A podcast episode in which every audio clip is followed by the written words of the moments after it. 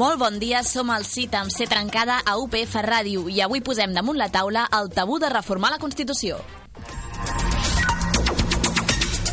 Ahora, yo estoy dispuesto a hablar de la reforma de la Constitución, por supuesto que estoy dispuesto a hablar, pero es importante que los que quieran reformar la Constitución digan qué quieren hacer. Una reforma constitucional al Estado español s'aprova amb una majoria qualificada. El Partido Socialista apuesta por una reforma constitucional que garantice la convivencia, Però llavors què m'expliqueu? Llavors què, què, què, què m'esteu dient? Que canviarà una Constitució si no teniu majoria per canviar-la? Ni cap perspectiva de tenir-la? acatar esta Constitución hasta que los ciudadanos de mi país la cambien para recuperar la soberanía y los derechos sociales. Que la Constitució digui que Catalunya és una nació no millorarà la vida dels catalans.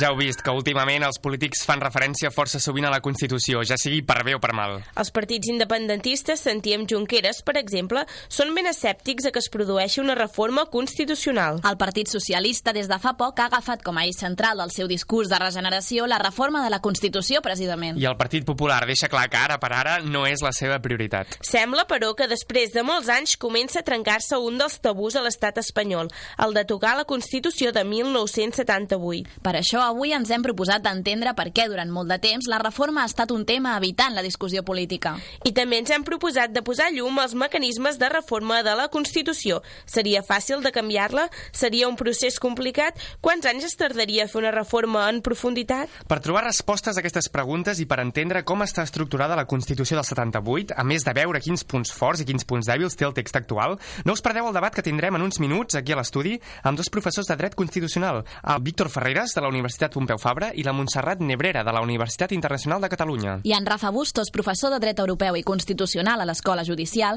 ens ajudarà d'aquí a uns segons a entendre per què fins ara no s'ha reformat mai la Constitució. Esto es falso, esto es mentira. No os dejéis engañar. Cert, cert. Sí que s'ha reformat la Constitució en dues ocasions, però no ben bé de la manera que tots plegats entendríem per reformar-la.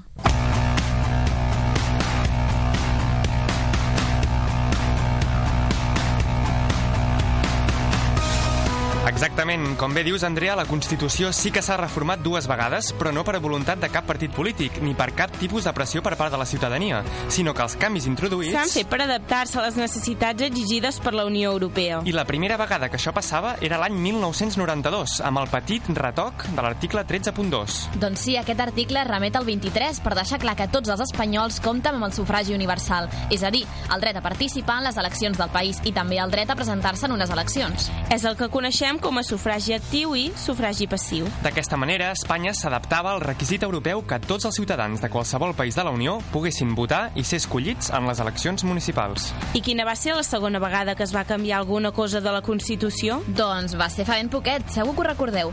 Va ser l'any 2011 quan el PSOE, en Carem Zapatero i el Partit Popular van posar-se d'acord per limitar el dèficit del país i perseguir així un principi d'estabilitat econòmica. Era l'article 135, que com el 13.2 es va modificar en ple mes d'agost i en poc més de dues setmanes. Casualitat? Doncs no podem dir si va ser una casualitat o no, però el que sí que podem assegurar és que no va ser per voluntat interna. Sinó que va ser per adaptar-se a una legislació europea que tots els estats membres No, havien d'adoptar. I tot sigui dit, el fet de fer aquests petits retocs a la Constitució el mes d'agost segur que va ajudar a estalviar-se algun mal de cap.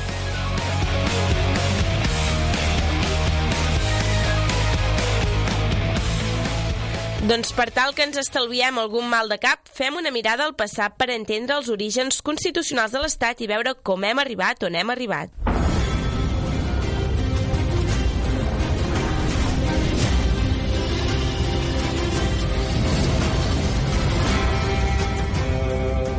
La música de Joc de Trons, que ens va bé per situar-nos en un ambient ideal per fer una mirada històrica amb en Rafa Bustos, ens traslladem uns quants anys enrere, i segles enrere també, per veure com van ser algunes de les constitucions anteriors a l'actual.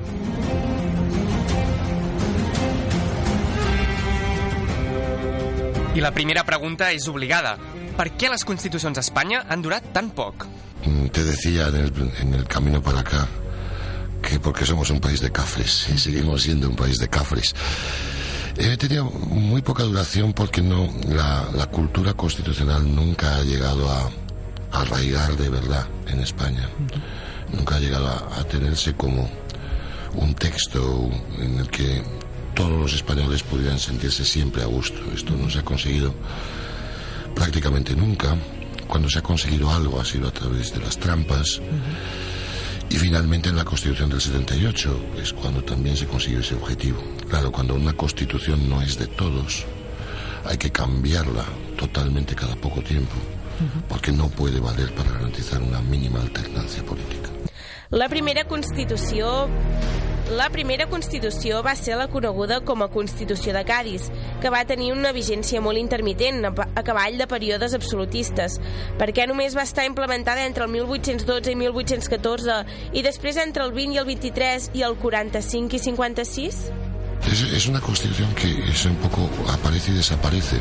Es una constitución mítica en muchos sentidos. Eh, No, no solo por ser la primera, sino porque, eh, y esto es curioso comprobarlo en el extranjero, en España no es tan valorada. Eh, yo recuerdo en Inglaterra haber leído autores ingleses cómo incluían a la Constitución de Cádiz entre las tres constituciones modelo junto a la americana y a la francesa del 91. Porque era una constitución muy especial, en un país muy conservador, en un país muy católico, en un país muy tradicionalista, en el que además se incorporan vía los eh, procuradores de Indias la tradición norteamericana, curiosamente, y que es extremadamente avanzada eh, para, su época, que es algo que va a ocurrir muy a menudo en la historia de España. Las, las constituciones progresistas van más allá de su, de su tiempo.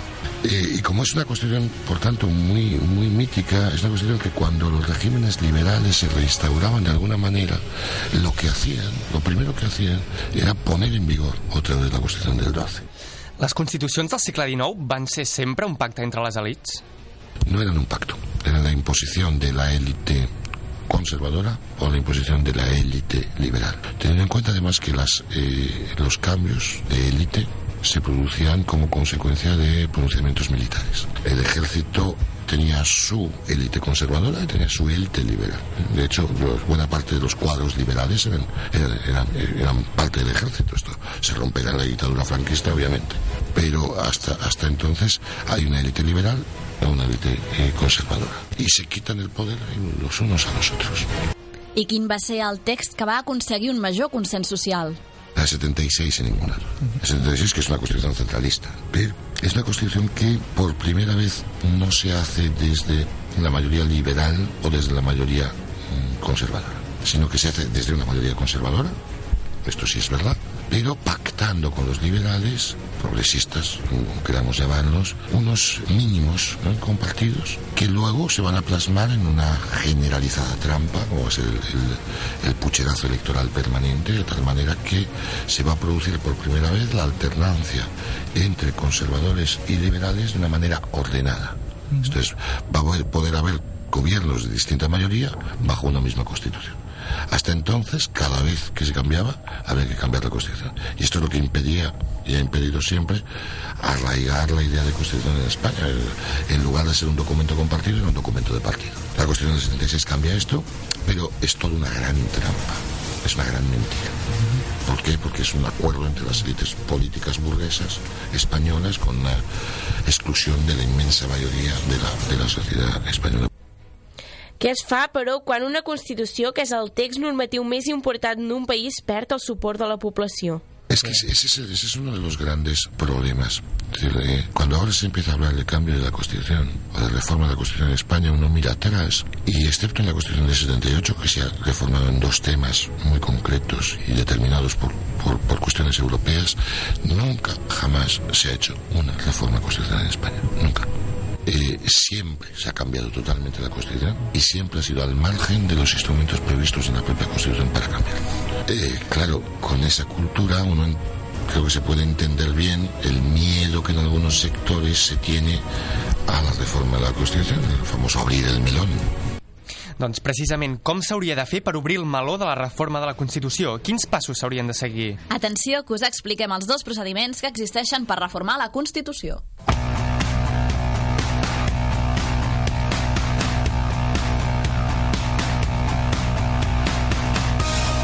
El text del 78 contempla dos procediments de reforma amb diferents graus de dificultat. Article 167. És el procediment senzill de reforma. I per què en diem senzill? Perquè amb aquest procediment només es poden modificar les matèries que no tenen gran transcendència a l'organització de l'Estat. Quins articles podrien reformar-se amb la via del 167? Doncs, per exemple, els articles que fan referència a l'economia i a la hisenda de l'Estat.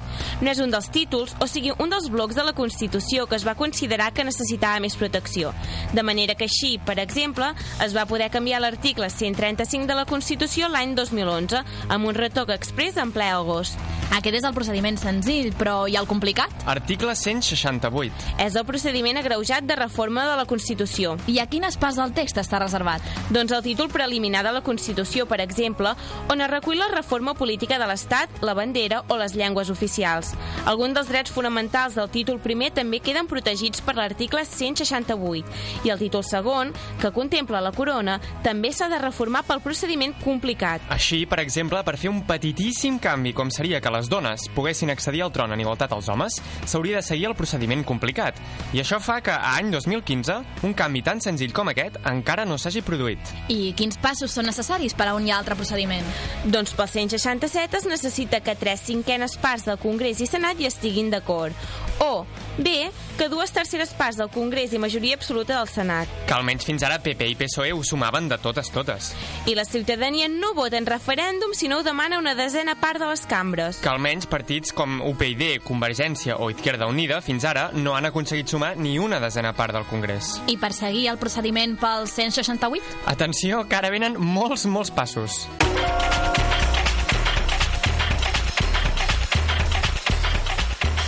Pel procediment agreujat cal que pas número 1. Dues terceres parts del Congrés i del Senat estiguin d'acord en un principi, repeteixo, principi de reforma. 2. Si s'aprova aquest principi, s'han de dissoldre automàticament les Corts i anar a unes eleccions, de manera que és raonable pensar que cap partit voldrà dissoldre-les al principi del mandat i que s'esperarà fins al final de tota una legislatura.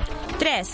El nou Congrés i el nou Senat han de tornar a aprovar el text acordat per dues terceres parts de les cambres. I quart, ara sí que el referèndum és obligatori. Només si ho aprova la ciutadania, la reforma serà una realitat. Quants anys trigarien, per tant, a reformar la Constitució per la via complicada? Doncs és raonable pensar que ben bé uns 8 anys.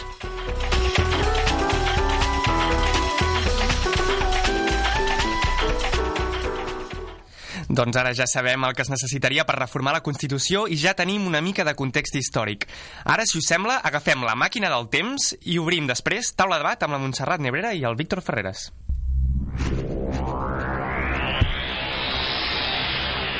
Som a l'any 2028.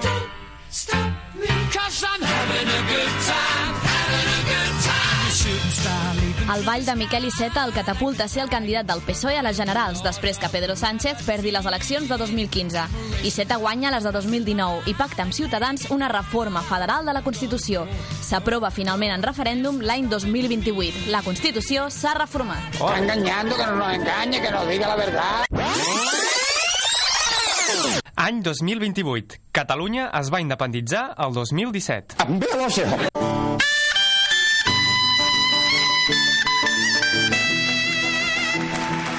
Catalunya es va independitzar el 2017 després de 18 mesos de govern amb Lluís Llach com a president de consens.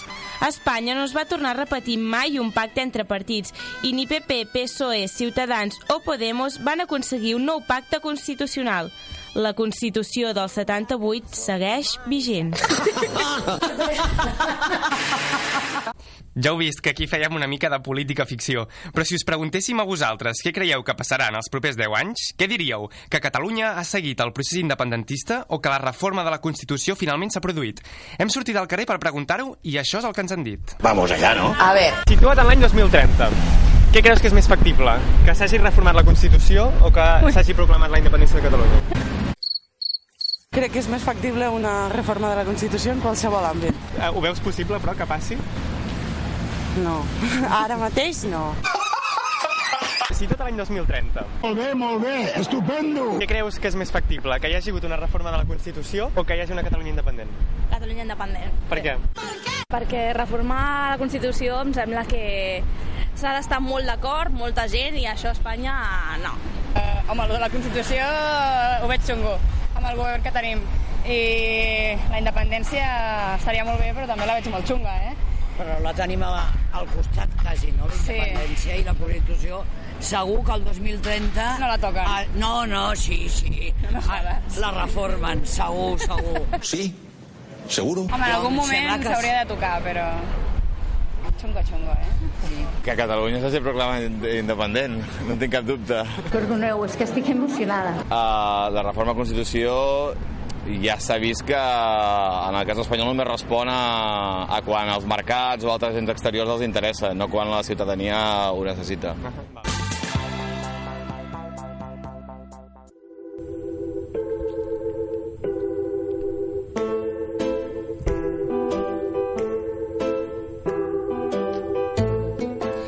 Doncs, com heu vist, hem sortit al carrer per preguntar què és el que veieu més probable, si una independència de Catalunya o una reforma de la Constitució.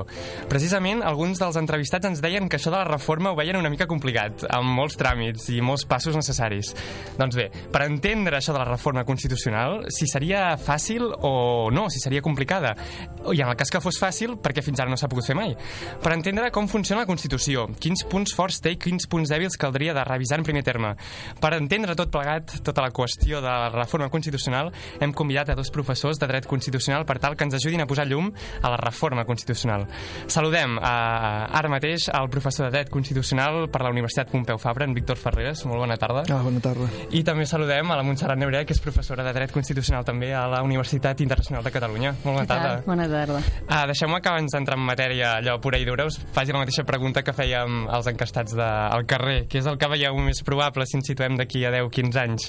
Que s'hagi reformat la, la Constitució finalment o que Catalunya hagi seguit el seu procés? Montse. I, I jo crec que aquesta és una carrera, eh, una cursa importantíssima en la que els factors polítics juguen també el seu paper perquè si bé és cert que l'Estat té com a voluntat fonamental sobreviure i per tant adaptar-se als nous temps i la reforma és la manera de sobreviure, ell i la seva Constitució, reformar-se, eh, també és cert que el camí que ha emprès Catalunya eh, té molt a veure amb com s'han conformat les noves generacions, què és el que han sentit i escoltat i, per tant, de la manera en què s'han educat a l'escola.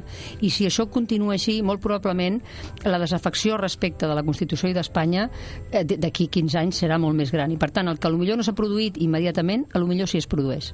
Ara, pel camí, el repte d'un estat i de la seva Constitució és aconseguir convèncer tot el seu territori de mantenir la integritat. I, per tant, la reforma és l'única via de convèncer la gent de que aquesta Constitució també és la seva. Uh -huh. uh, creus que és factible, Víctor, que es produeixi aquesta reforma en pocs anys? Sí, home, si jo tingués que fer una predicció, però diria que es reformarà la Constitució espanyola abans de l'any 2030 i no pas que serà independent Catalunya el 2030. És dir, posats a elegir quina de les dues prediccions faria, faria la predicció que tot i la dificultat de canviar la Constitució, doncs eh, es farà una reforma dintre de relativament poc temps. Uh -huh. Estan als programes uns quants partits i sembla que es farà. Ara, el, el dubte és exactament quin tipus de reforma es farà. Aquí és on no hi ha claretat i on, on no sabem la profunditat d'aquesta reforma, però que hi haurà una reforma d'algun tipus, jo apostaria que sí. sí. Uh, quan hem començat a, a, a aquest programa hem explicat que la, Constitu que la Constitució contempla dos procediments per tal de uh, reformar-la, un de normal, un de més àgil, uh, que és el que va per l'article 167, i l'altre procediment, que és un procediment més complicat, que es coneix amb el nom d'agreujat, uh, reservat per la reforma de parts importants com el títol preliminar, el títol de la corona. Uh, creieu que és un bon sistema que una Constitució contempli dos procediments per canviar-la? Hi ha, hi ha dues escoles respecte de per què hi ha un procediment especial per reformar la Constitució. Un diu, la, la Constitució es reforma de manera més complicada que qualsevol altra llei perquè la Constitució és eh, eh rígida. I l'altre diu, és rígida justament perquè té aquests procediments. Per tant, contemplar procediments més difícils que qualsevol altra reforma d'una llei, això és lo normal. Que n'hi hagi dos, jo imagino i vull creure que té sobretot a veure amb el fet, primer, de que hi ha constitucions que tenen clàusules explícites d'intangibilitat, l'alemana, la l'italiana, tenen coses que no es poden tocar de qualsevol manera, i la nostra no vol voler introduir aquesta idea, però partia de la base d'un procés històric de transició que deixava enrere una dictadura, i per tant hi havia determinades coses que es creia. Unes perquè eren molt importants, els drets fonamentals, d'altres perquè van ser peces de la transició, com la corona, i després el títol preliminar en el que expliquem qui som i on anem, mm -hmm. més o menys, no? i quin tipus d'estat és aquest, que es volien blindar, blindar més, i per tant el procediment és més complicat. Però que sigui complicat el procediment vol dir, com ha dit fins i tot algun, alguna de les persones que heu entrevistat, que hi ha parts importants, que hi ha uh -huh. coses que són importants, i per tant que el consens ha de ser molt generalitzat, de manera que la cosa doncs, no vingui després, d'aquí quatre dies, algú que digui, pues, tornem a canviar, no? Uh -huh. perquè la voluntat és de mantenir-se i de ser estable. Uh -huh. sí.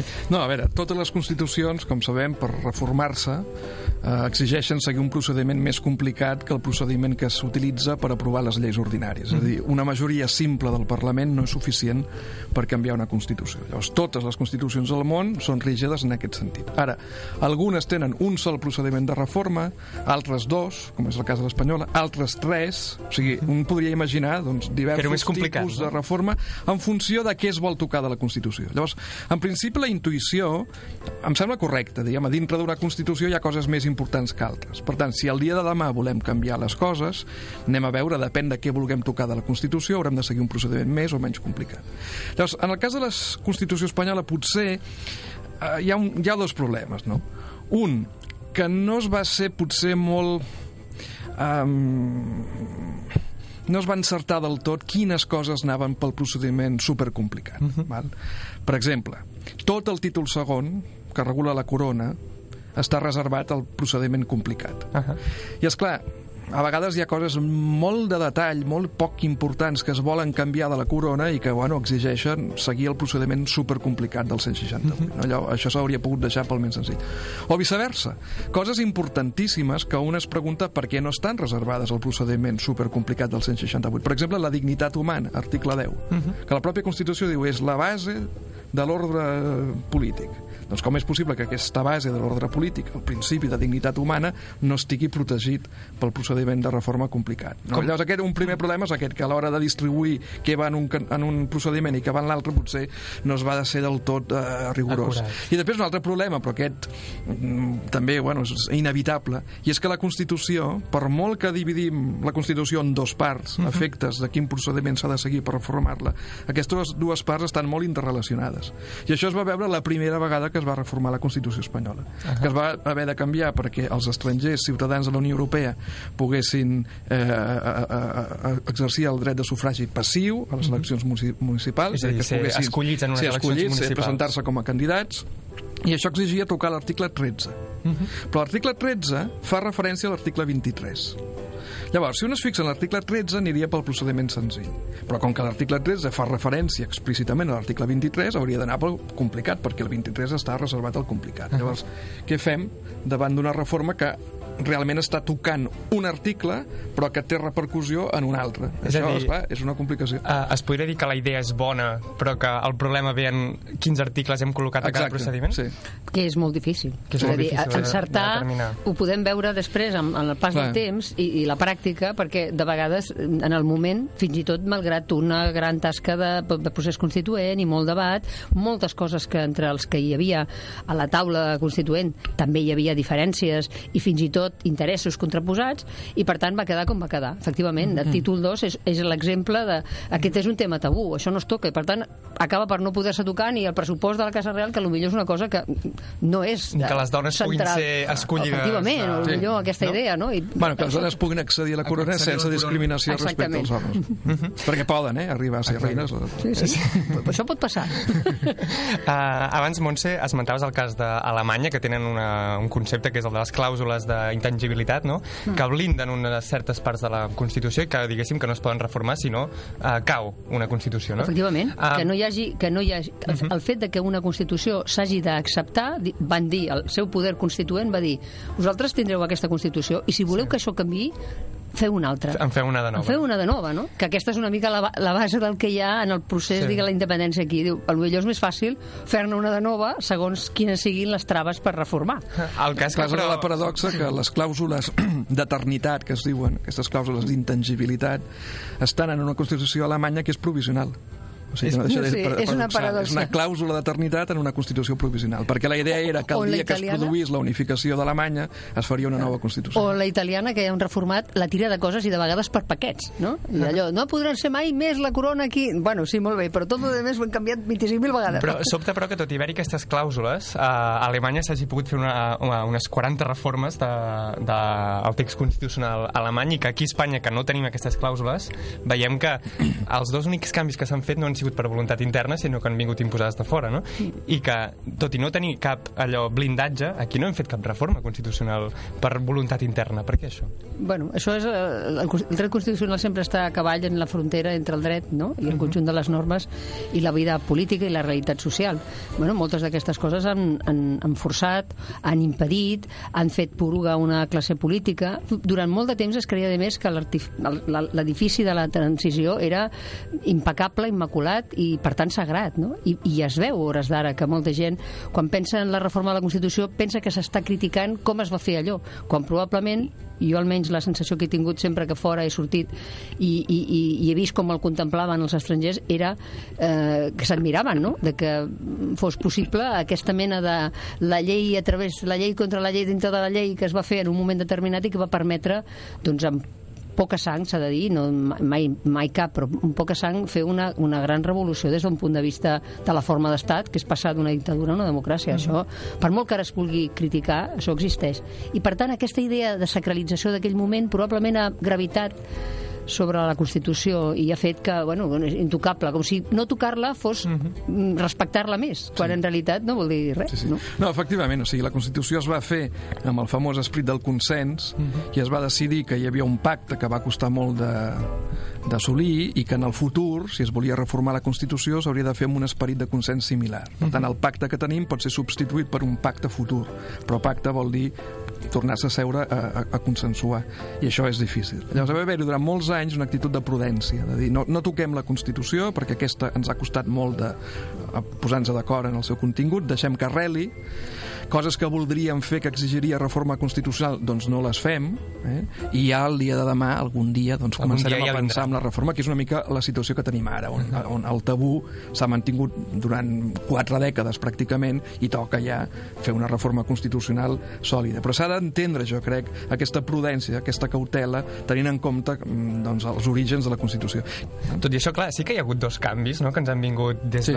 Sí. d'Europa, no? però sobta, i més en el cas de l'any 2011, que la Constitució, si es vol, en dues setmanes i d'agost es pugui canviar el contingut que interessa. No? En els dos casos va ser per imperatiu europeu, diguem-ne, sí. i en el mes d'agost. En- en els dos el, també el període estival... d'agost. Jo, jo crec que la- el, el, el trobar el moment aquest de la gent està a la platja o està descansant té a veure amb això que dèiem ara en Víctor de, de la mena de tabú de tocar-ho no? la gent que no se n'adonin de, que, de que realment es pot tocar i que per tant la intangibilitat no és més, no fa la cosa més important que les coses es canvien i que, i que aquí pot passar com als altres països que tenen reformes mm, amb procediments agreujats però que van canviant de tant en tant el text de la Constitució per adaptar-lo. Efectivament, venen perquè, perquè canvia, de fet, el, el propi sentit de l'Estat, no? i canvia el seu paper dintre de la societat internacional, i perquè la Unió Europea ha estat un canvi qualitatiu radical, i cada vegada ho és més. I, per tant, tenen sentit en si mateixes, té sentit, encara que la gent, al millor del carrer, no sàpiga que pot ser alcalde del seu poble una persona que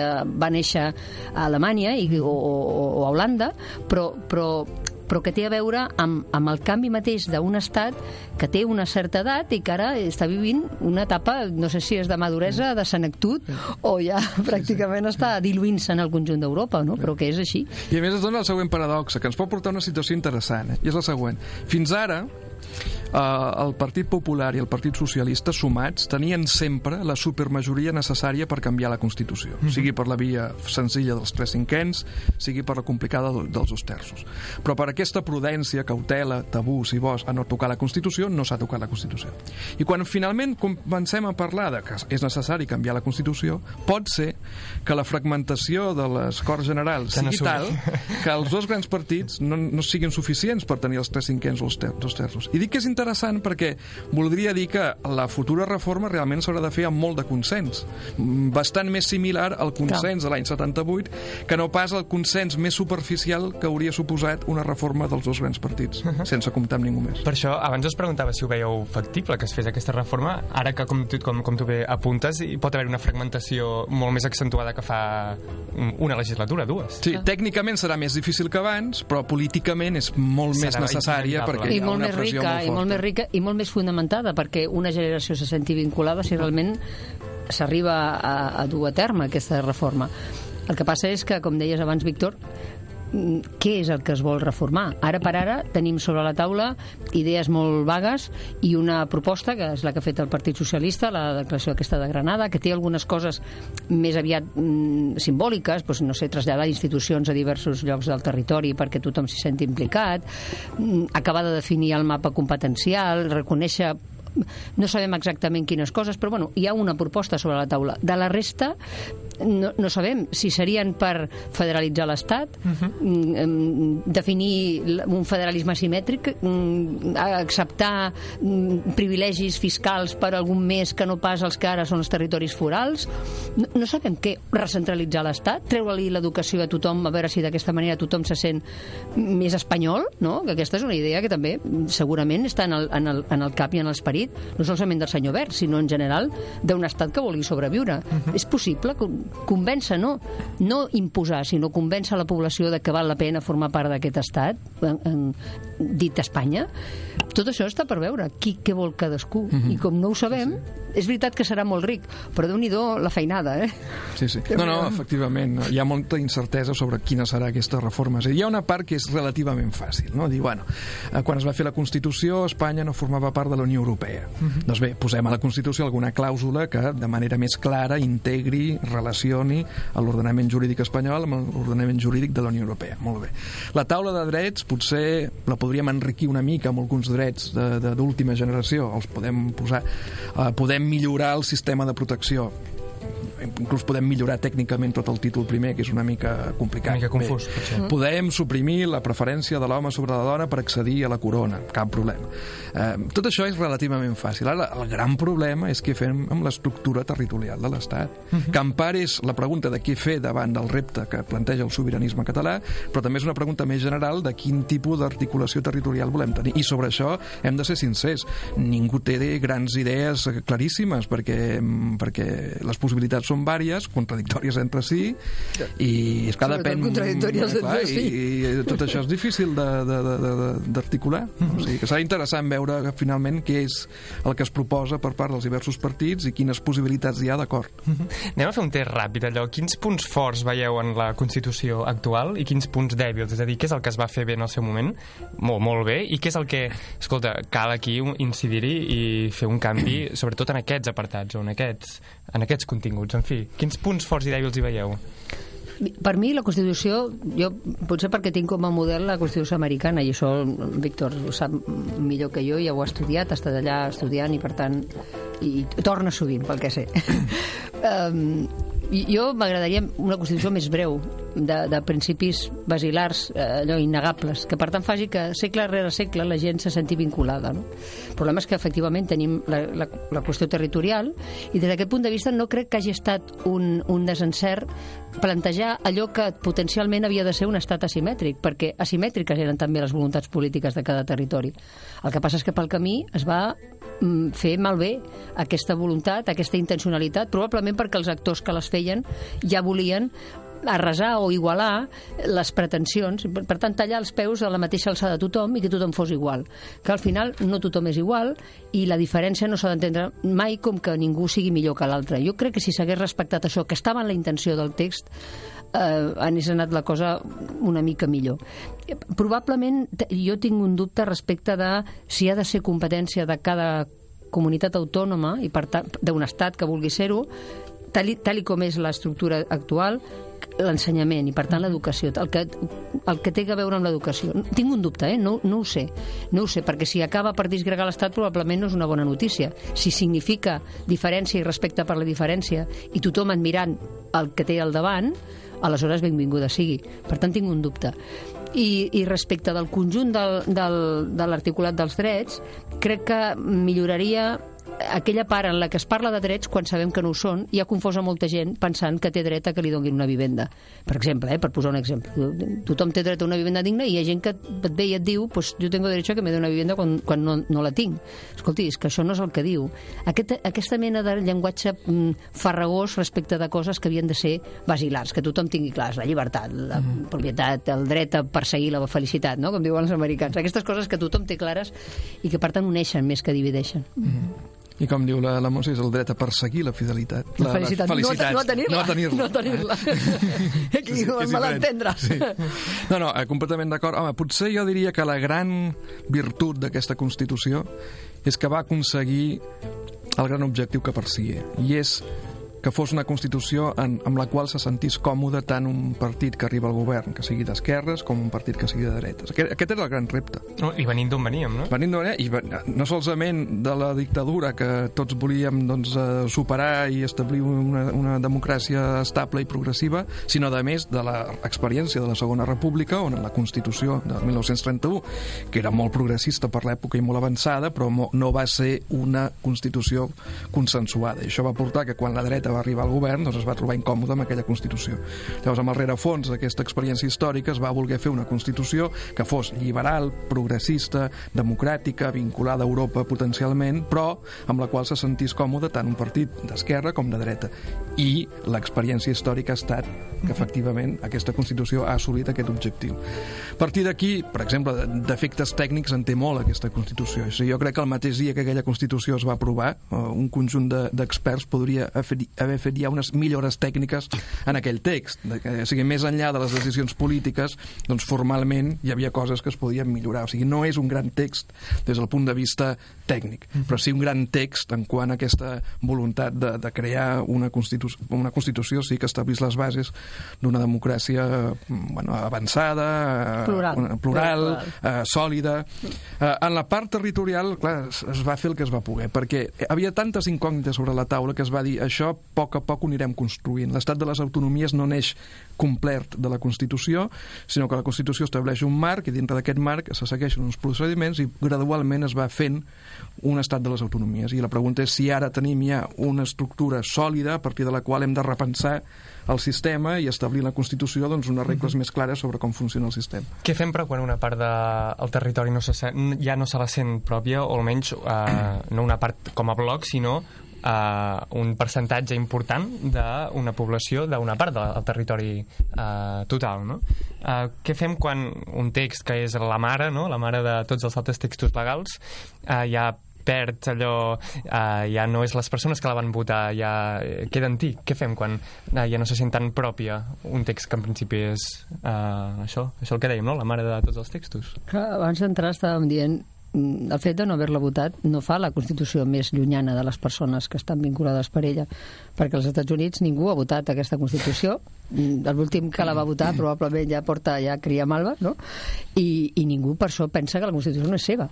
Deu ser alguna altra cosa. I té a veure amb el que acabes de dir té a veure amb el fet de que hi ha una part del territori en el qual una part molt important no s'hi sent vinculada. Ostres, això no és el mateix que que hi hagi un cert moviment mm, eh, reformista, crític en el conjunt de l'Estat, que podria ser-hi. Jo què sé, els partits que ara arriben, sobretot eh, Podemos, per exemple, doncs podria tenir segurament moltes crítiques i si s'estén territorialment a tot el conjunt del país, eh, s'estén aquesta crítica, t'adones que ha arribat el moment de canviar una Constitució. Però clar, si, si el conjunt de l'estat espanyol i que el conjunt d'Espanya està més o menys còmode i va alternant-se i ara arriba un altre i, i, i agafa el poder i, i més o menys canvia, potser canvia alguna coseta, no sé, el poder judicial, com es, el, el fiscal, de quina... No sé, proposa alguna cosa, però bàsicament està d'acord amb aquesta. Però una part del territori posem la meitat, no? Uh -huh. És igual, però una meitat és molta gent.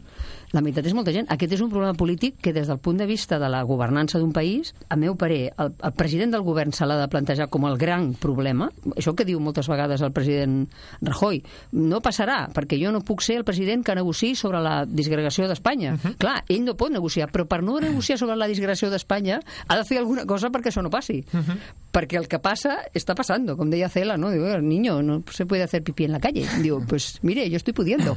És a dir, les coses es poden si es posen en marxa. El que deia la Montse, els dos som professors de dret constitucional i tenim molt interès en dir que les constitucions són molt importants, però també som conscients que la importància és relativa. I a vegades es culpa la Constitució de coses que no són culpa de la Constitució. Això ho podem veure una mica amb, amb el debat que hi ha entorn de la crisi institucional, econòmica, social a Espanya, temes com la corrupció, existeix una casta, tot això, que porta molta gent a distanciar-se del sistema polític existent, hi ha una certa tendència a pensar que és la Constitució la culpable d'aquests mals i no, no és fàcil establir quina connexió hi ha entre quin article de la Constitució i el fet de que hi hagi corrupció a Espanya, uh -huh. per exemple. I el mateix passa amb l'independentisme. O sigui, jo no crec que és que la Constitució té una sèrie d'articles que fa que llavors la gent sigui independentista, sinó que per altres factors emergeix i es potencia i s'enforteix un moviment independentista i llavors vol trencar amb la Constitució, però no, no necessàriament perquè aquella Constitució li sembla malament, sinó perquè aquella Constitució és el símbol d'aquell estat del que qual si hagi de fer una Constitució serà molt trobi... similar. Sí. que clar, tampoc... Menys en la part territorial, Exacte, però, però tota la més i probablement en la part territorial també, potser amb fa una cosa dubtes, sí. semblant, amb també una capital que curiosament serà Barcelona.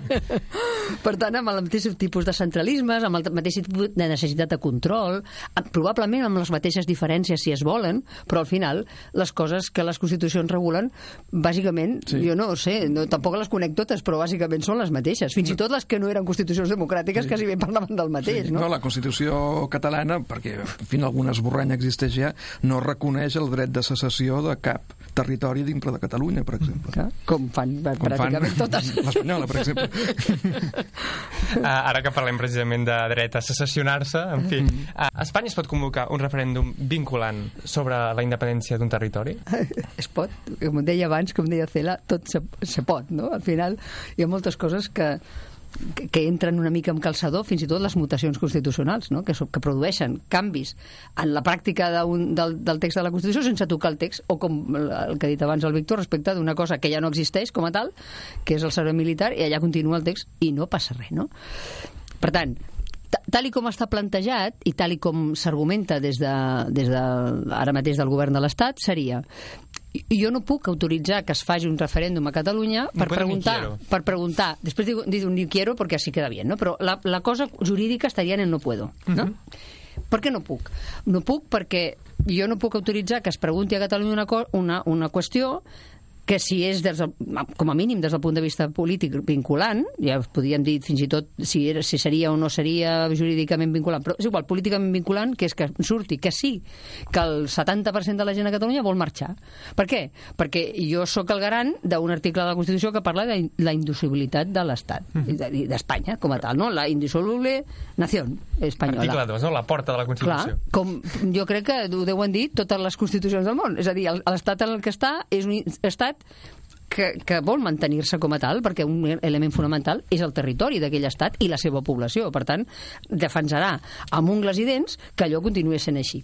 Aquesta és la realitat, a meu parer, des del punt de vista jurídic.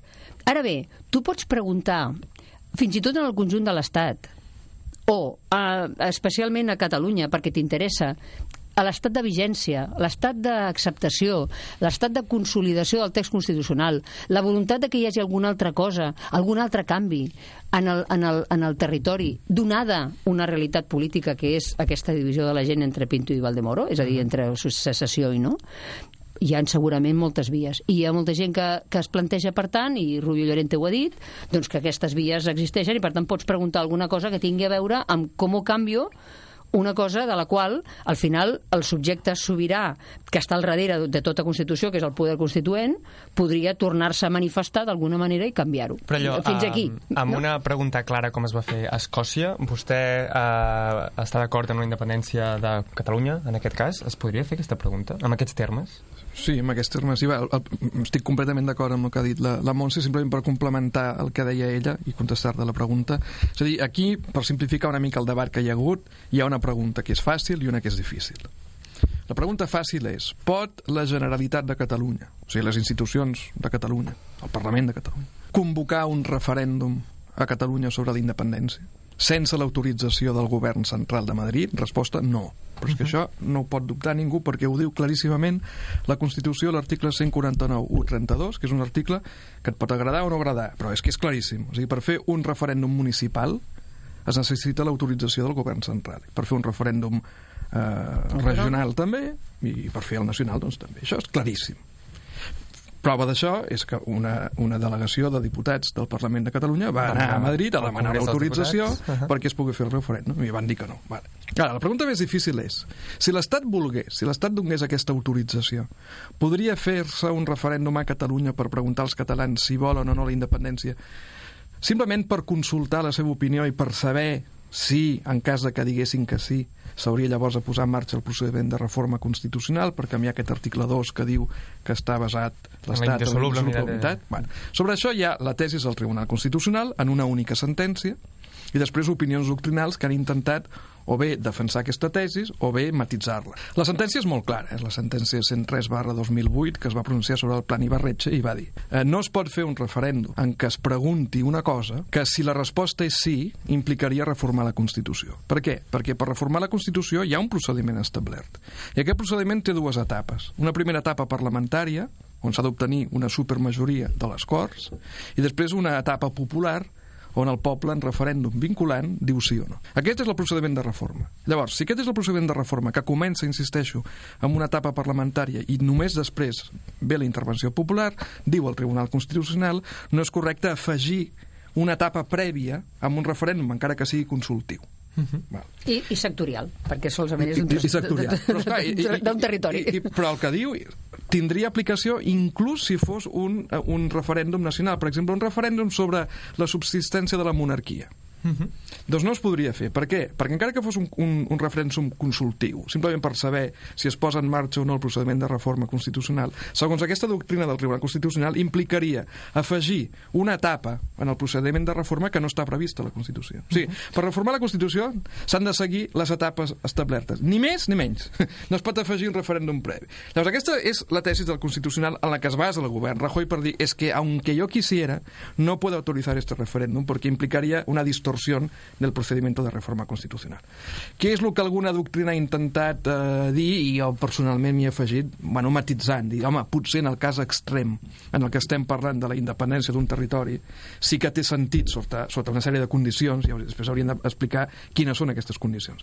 Però certes, sota certes condicions, entendre que sí té sentit fer un referèndum consultiu a Catalunya per saber si els catalans volen o no la independència, i si diuen que sí, llavors sabríem que té sentit posar en marxa el procediment de reforma. El que no té sentit és canviar la Constitució perquè Catalunya pugui ser independent sense saber prèviament si els catalans volen marxar. Per tant, diríem que... Uh, perdona. No, la qual cosa ens permet també pensar si aquesta doctrina del Tribunal Constitucional respecte de la impossibilitat o de la manca de legitimitat de fer aquesta, primer, aquesta prèvia, que és com una prospectiva, té sentit o no. És a dir, jo entenc que la puguin dir que en el cas d'Ibarretxe, que, que a més té un, un, unes característiques molt especials, un ho puguis pensar així, o que vulgui barrar el pas, perquè al final justificar es pot justificar tot. Però el fet de dir, quan, quan tens un problema greu, del cas d'esbrinar, més enllà d'una enquesta o la gent que vagi a una urna de cartró.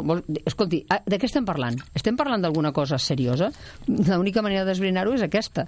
No tant pel fet de que sigui vinculant, és a dir, millor el que es podia dir és ho preguntarem i després ja veurem què passa, però com a mínim volem saber. És a dir, jo el que crec que des del punt de vista polític, en, en la Constitució, o millor dit, a la interpretació del Tribunal Constitucional de, de com s'ha de fer la reforma, aquest impediment previ, el que està barant el pas és a una un, un moment de la història que ja no és el que era. I millor l'any 2008 podia tenir sentit, però el 2015, tal i com està l'estat de qüestionament de la pròpia Constitució i el que ha passat a Catalunya, que és un moviment que es vulgui o no té més base que, que un senyor Ibarretxe plantegi una, una reforma o un Estado vasco asociado, estem en una cosa d'un caire diferent i per tant preguntar-ho, probablement, com tu has dit, és el que ha fet que la doctrina digui potser aquesta doctrina del Tribunal Constitucional per algunes coses val, el 2015 i per aquesta mm, està més complicat d'acceptar. Mm -hmm. Per tant, diríem que un referèndum consultiu seria possible?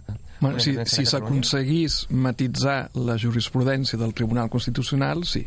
I si no explicar, s'aconseguís, i no. explicar el que pot condicionar o no. És a dir, que és una pregunta per saber i per intentar qüestions que potser no acaben en allò que vol la gent, que és eh, marxar. A lo millor és una, una, una pregunta per saber l'estat de la qüestió real, que és la més macroenquesta que es pot fer, que és preguntar-li directament a la gent, i després saber quines alternatives té un estat per mantenir la integritat, malgrat que hores d'ara hi hagi un munt de gent que vulgui marxar.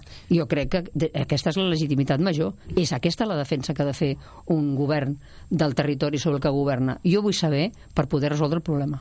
Uh, està clar, però, que si uh, es fes un referèndum consultiu, els efectes que podrien tenir podrien ser anar més enllà que els purament consultius, no? La por és que la pregunta, per molt que tu vulguis acotar quins són els límits i les advert els advertiments respecte de quin pot ser l'efecte, perquè després hi ha tot aquest procediment en el qual està implicat el conjunt de l'Estat, això té... mm, Clar, tu ho saps, el governant ho sap, però també ho sap la població. Diu, ah, somos el 70%, somos, o som el 40%, no ho sé, no? A lo millor també genera un altre tipus d'efecte. Mm, mm. Però és veritat que té, és una arma de doble Clar, fil. Clar. No, no, a veure, realment tot és complicat. El, el Tribunal Constitucional, des del primer dia, eh, va dir no hi ha límits materials a la reforma, a diferència del que explicàvem abans d'Alemanya, doncs en el cas d'Espanya no hi ha cap article que sigui immodificable, per tant, per exemple, la integritat territorial de l'Estat es pot revisar, per tant, la independència del País Basc és possible, canviant la Constitució, no? va dir fa molts anys. Eh? Per això els partits independentistes són perfectament legals, perquè encara que en el seu programa inclo incloguin una cosa que actualment és contrària a la Constitució, com que sempre es pot canviar la Constitució, doncs res a dir respecte al programa independentista. No? El que passa és que, mm, si ho pensem bé, quan veiem quins són els requisits per canviar la Constitució espanyola, ja es veu que mai ningú va pensar que aquest procediment podia servir per permetre la separació d'un territori. Eh, És a dir, eh, Que no està com a dret contemplada a la pròpia eh, Constitució, per això.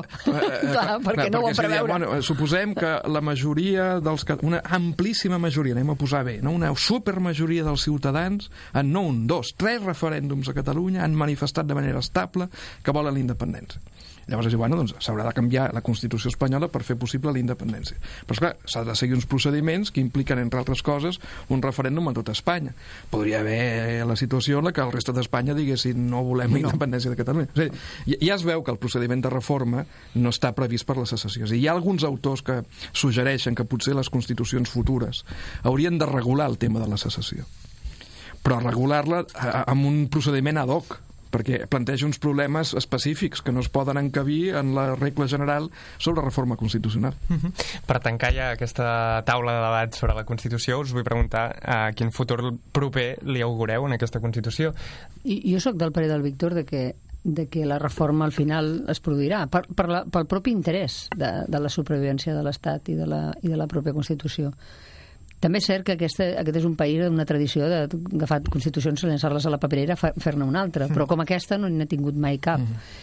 vigent, com a mínim, no? O sigui, una Constitució que tingui aquesta pretensió normativa, que tingui aquesta pretensió d'un- de- d'estabilitat, de, de pluralisme des del punt de vista polític, i que durant 40 anys no s'ha reformat i aquí estem. No?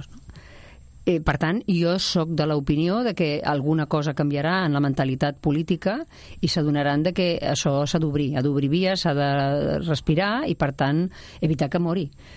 Perquè l'alternativa efectivament és que cadascú... que Primer, que des del punt de vista del conjunt de la població d'Espanya es pensi en un altre i ja estem un altre cop com vam estar al segle XIX, que no és lo desitjable, i segon, que, que aquí s'obri realment una, una potencialitat de que això marxi, perquè des del punt de vista pràctic jo tinc la sensació de que eh, com a, com a pràctica, si fos això que diuen les CUP, de, bueno, declarem mm, demà que som independents, desconnectem de qualsevol manera i la gent, per lo que sigui, mm, va i va, mm, això és possible. És a dir, tot és possible des del punt de vista de dir, no, perquè Europa no voldrà. Bueno, Europa ja veurem què voldrà. És possible. Probablement és fins i tot més fàcil, com ha dit algú, des del punt de vista fàctic, de trencar però ningú ha dit que les coses importants no siguin difícils. I probablement la més difícil és la que donaria un altre període d'estabilitat i un altre sentit a qualsevol de les parts que se sentissin còmodes. Aquesta és la gran troballa. La, la fàcil és dir, bueno, doncs jo com no puc, doncs faig el meu quartet, faig la meva independència. I no dic que, no, ho respecto, eh? no, no estic dient que sigui una crítica.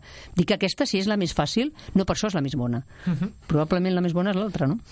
Aquesta Constitució caurà o es reformarà i serà la primera que es reforma. Home, jo espero que sigui la primera en la història espanyola que reformi. Eh? O sigui, en aquest sentit, els partits que mm, en algun moment, ara no ho diuen tant, però en algun moment han parlat de fer un procés constituent per fer una Constitució espanyola nova, bueno, aquest plantejament és molt tradicionalista perquè el modern seria reformar la Constitució, perquè fer caure constitucions i substituir-la per noves, Ja això... Ja en la sabem, eh? Ja Sabem un munt. És, és tan espanyol com la guitarra. El que és nou, el que és modern, és Com reformar John Kerry la va veure Constitució. l'altre dia. Ah, per això? Molt bé, per tant, sembla que acordem que el més fàcil és que hi hagi una reforma. Sí. O el més factible, almenys. Sí, sí. Jo crec que també podríem afegir el més desitjable per a l'Europa del segle XXI. A veure si explorem una mica les fronteres i aconseguim estabilitzar constitucions. Ja veurem de què, no? En fi, moltes gràcies als dos. Us volia agrair especialment per tenir dos grans experts en matèria de dret constitucional i que ens ajudin a entendre primer com està formada aquesta Constitució i després quines conseqüències se'n poden derivar. Ah, gràcies, nostre. Víctor Moltes Ferreras, un gràcies. plaer. I moltes gràcies, Montserrat Nebrera. Gràcies a molt bé. vosaltres. Una abraçada.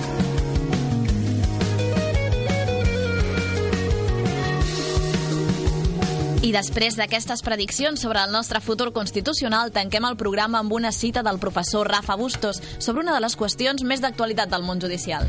És la reforma no de la Constitució, que ja heu vist que encara no s'ha produït, sinó que és la reforma del Tribunal Constitucional impulsada pel Partit Popular. Els canvis introduïts permetran que ara el Constitucional tingui la capacitat de sancionar aquells qui no compleixin les seves sentències. Tota la discussió al voltant d'aquesta reforma ens portaria a un altre programa sencer, però de moment us deixem amb una opinió del professor Bustós sobre els canvis en el Constitucional. Escoltem-lo. Un espanto. Esta es mi, mi respuesta mm, radical. Es, a mí me parece un espanto. Eh, conferir al Tribunal Constitucional la, eh, la potestad para eh, inhabilitar a, a un cargo político es, es, es- es- romper la, la propia idea de lo que es un Tribunal Constitucional, creo, y cuáles son sus funciones.